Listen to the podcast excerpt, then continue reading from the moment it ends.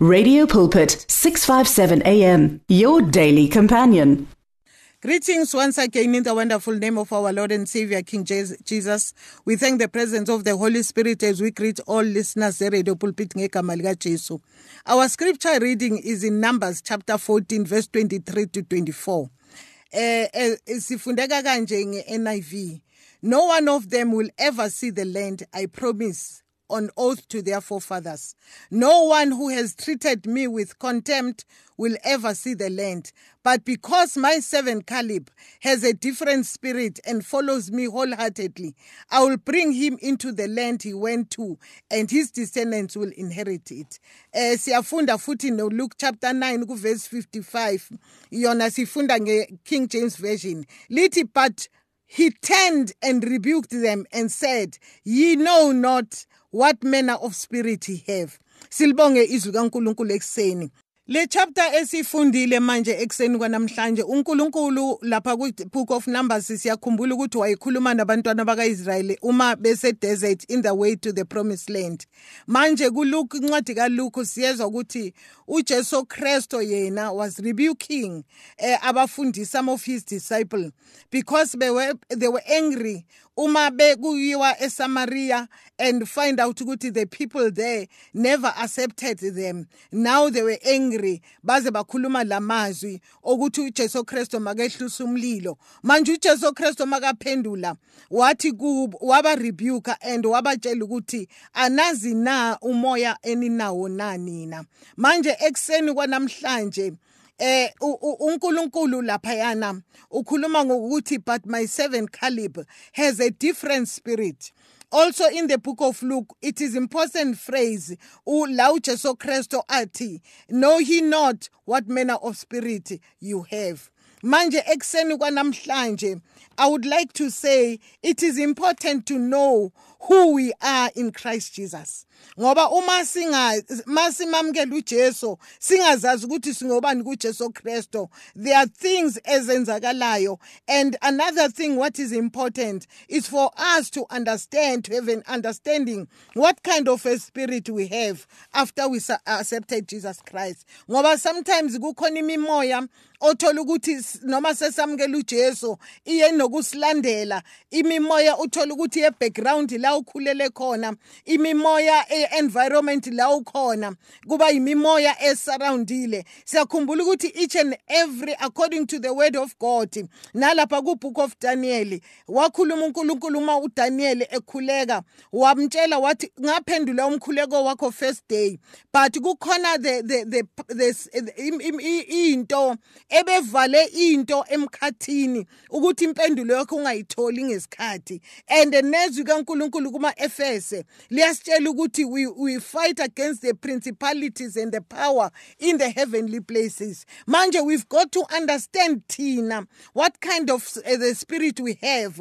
Ngoba if we cannot understand thina the kind of spirit we have how are we going to be able ukuthi sikwazi ukulwa nemimoya ekhona phakathi emkhathini? Manje uma nezwi kaNkuluNkulu kuma-Efese chapter 1 kuverse 13 tells us that having believed we are marked in him with the seal uh, the promise of the Holy Spirit. Manje thina abangcwele siphawuliwe. And nemimoya iyasibona ukuthi siphawuliwe. That is why izenzeka izinto ngenxa yokuthi umntana kaNkuluNkulu uphawuliwe. We may not see the mark but in the spiritual realm uphawu lethu liyabonakala uyabona ukuthi uma ukhuluma ngomuntu oyifama eh, eh masibone emakhaya. Uma benenkomo or bena benezimfu imfuyo bayayiphawula. Ukuthi yazeke ukuthi yakuphi kufana nathi izwi kaNkuluNkulu njengoba sisho kuma Efese chapter 1 ku 13 ukuthi saphawulwa samakwa uh, with a seal uh, of the promise which is the Holy Spirit. And lapha ku first uh, Peter chapter 2 verse 9 ithi we are chosen people a royal priesthood a holy nation a people belonging to god that we may declare the praises of him who called us out of darkness into the wonderful light. And manje this verse eh, eh, esiye siyayifunda ukuthi we are chosen we are the chosen people.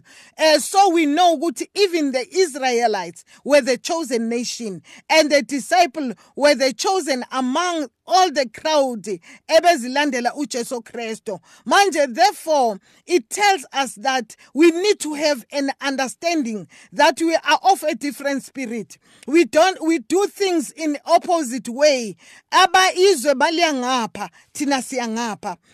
Manje uma sibheka indaba yeizwi kaNkuluNkulu liyasitshela ngoKhalib noJoshua ukuthi they had a different spirit eh kulabo bantu ababehamba nabo.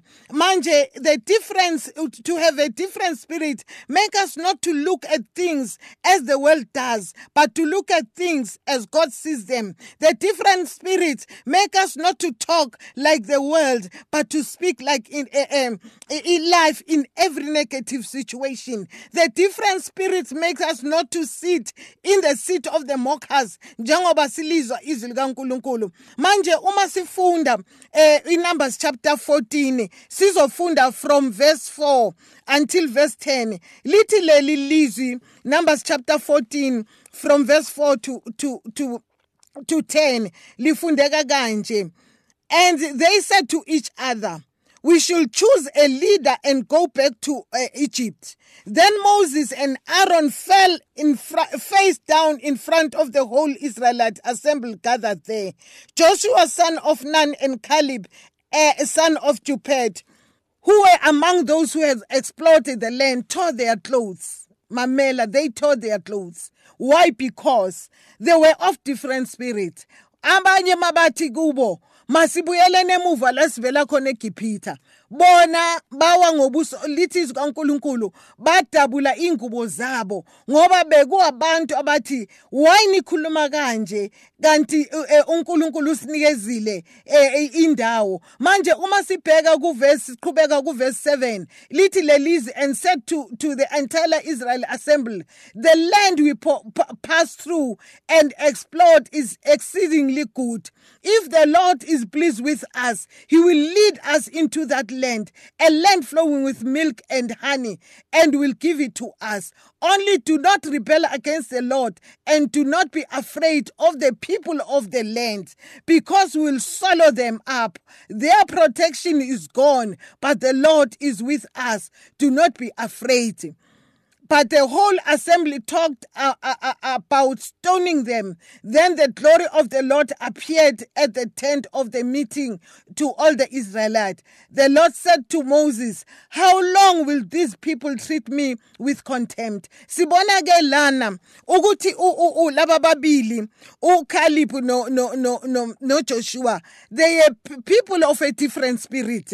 Yonke crowd nalaba bebehambe nabo uma bekhuluma negatively bengaboni bengakhumbuli ukuthi leli lizwe uNkulunkulu banikeze lona. Lithi bona benzani? Babakhumbuza ukuthi yela thina uNkulunkulu usinikezile le ndawo. Uyabona bangcwele if you are the person of a different spirit awungeke ukhulume ngisho noma unabazalwana. Wena you speak differently awukhulumi njengabo abantu abakhuluma izinto ezinegative abantu abangakhulumi into uNkulunkulu ayikhuluma ezwini lakhe.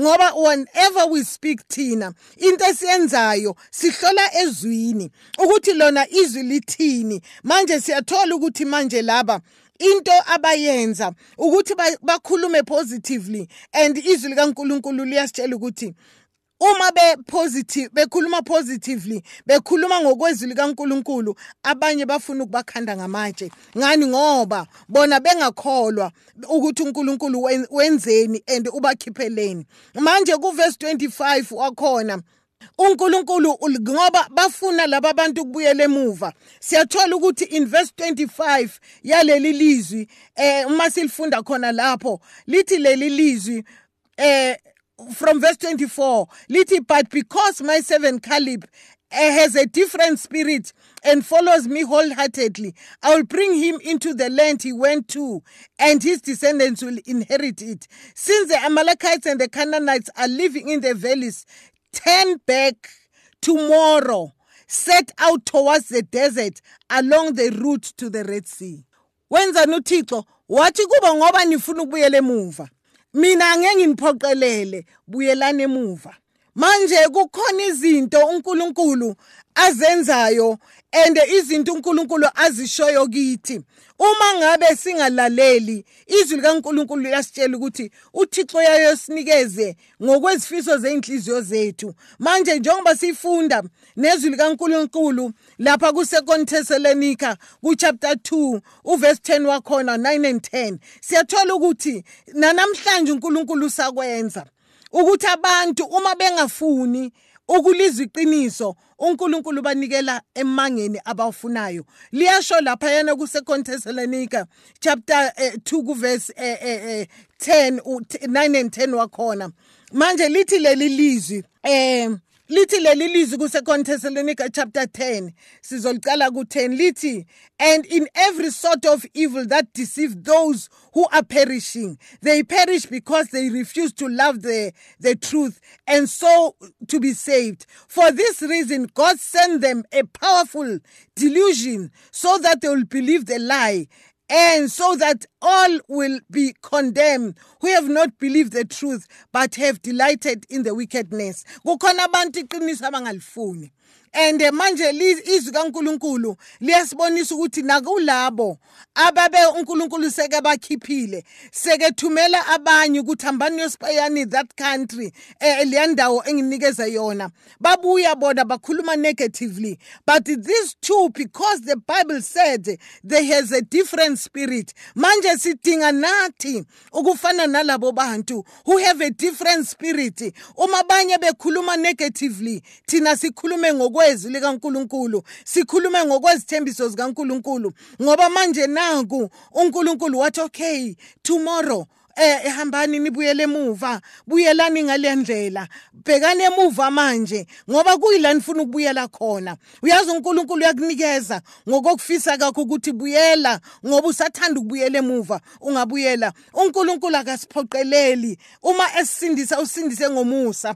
But at the same time uNkulunkulu one thing akafani nesitha. Isitha sokufaka entweni ongazange wayimisela sikwenzise into ongazange wazifisa ukuzenza. But uNkulunkulu akasiphoqeleli. Uyayathi seke sinikezile izwi lakhe ezinikeze nezethembiso. Siyakhumbula even nakuntana bakaIsrayeli wababekela okuhle nokubi. Wathi nina yini ukuchuza? uNkulunkulu ichoice yethu akayiviolate noma ngaze kube njani if wena udecide ukuphila kanjalo ngoba uthi uma inhliziyo iqinile uNkulunkulu uyiqinisa kakhulu. Lisho njalo izwi kaNkuluNkulu. Ma inhliziyo iqinile uNkulunkulu uyiqinisa kakhulu. Ma inhliziyo ithamba uNkulunkulu uyayithambisa inhliziyo. Manje lana sikhuluma to have a different spirit ukuthi we've got to be people abathi sebabamkela uJesu. Sibe ne different spirit singafani nabantu abaphila ngale ndlela abakhuluma ngale ndlela ababheka ngale ndlela ebesibheka ngayo uma singekamamkeli uJesu Kristu Kristu. Siyayibona izwi likaNkuluNkulu even Hebrews chapter 4 I mean, chapter 6, reading from verse 4 to 6, it says, It is impossible for those who have once been enlightened, who have tasted the heaven gift, who have shared in the Holy Spirit, who have tested the goodness of the Word of God and the powers of the coming age, and have fallen away to be brought back to repentance. Uyabona manje abantu abafude ubuyele emuva abantu abadecide ukuthi sebebonile amandla kaNkuluNkulu babuyele emuva. Manje lithi izwi kaNkuluNkulu kuma chapter 6 kuverse eh, 4 to 6 it is impossible uh, uh, for those who have once been enlightened. Labo bantu ababe enlightened. Yilabo abaye basindiswa. Elithi kaNkuluNkulu uh, who have tasted the heaven heaven gift who have shared in the holy spirit who have tasted the goodness of the word of God and the powers of the coming age and have fallen away to be brought back to repentance. Hayi kuyaye kube nzima bangcwele ngoba bazazi zonke futhi abantu labo ababa dangerous than umuntu ongasindisiwe.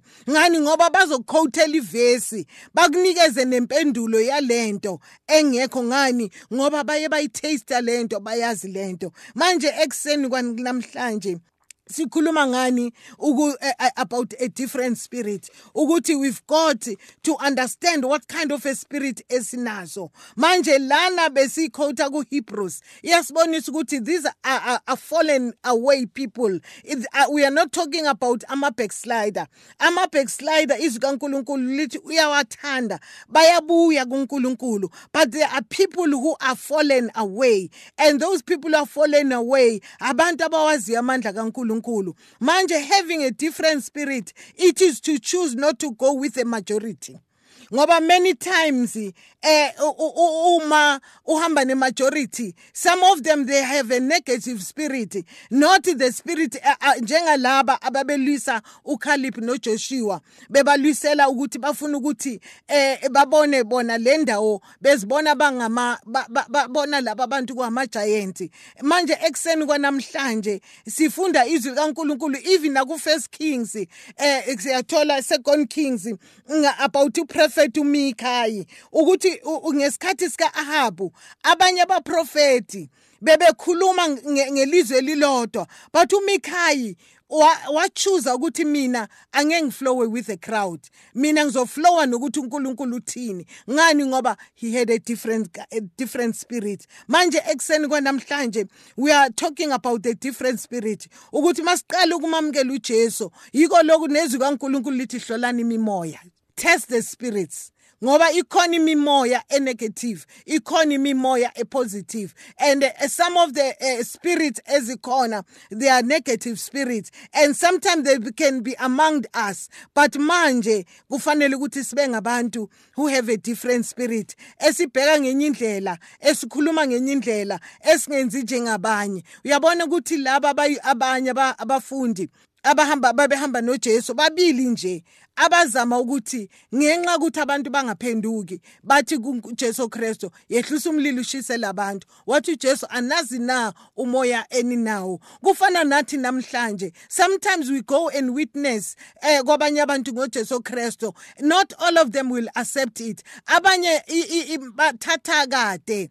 Abanye mawuya usayo usayo it's like you are going to toil the soil. Usayothila isoil. Ngelini langa mawubuyela or ngelini langa kuzomunye e, uyatshala imbewu kuye kuye kukhule. Sometimes mase sibona umuntu ngishumayela kuye seke sindiswa masinya ngicabangela ukuthi yimi engiye nga-approacha kahle. Kanti kudala e, ilungisiwe inhlabathi yalenhliziyo yakhe ukuthi mase kufika omunye akwazi lento kuyamkela manje ekseni kwanamhlanje kubalulekile ukuthi we need to have a different spirit. This is what uJesu Christ ayisho kume 37 kuverse 22 wathi many will say to him but eh eh, eh, eh, eh, bathi kubo eh, kujesu kristu senze lokhu nalokhu senza lokhu athi ujesu Christo. i don't know you ngani ngoba this is about the majority similar to the crowd that believe eh, and, and came up with a bad report.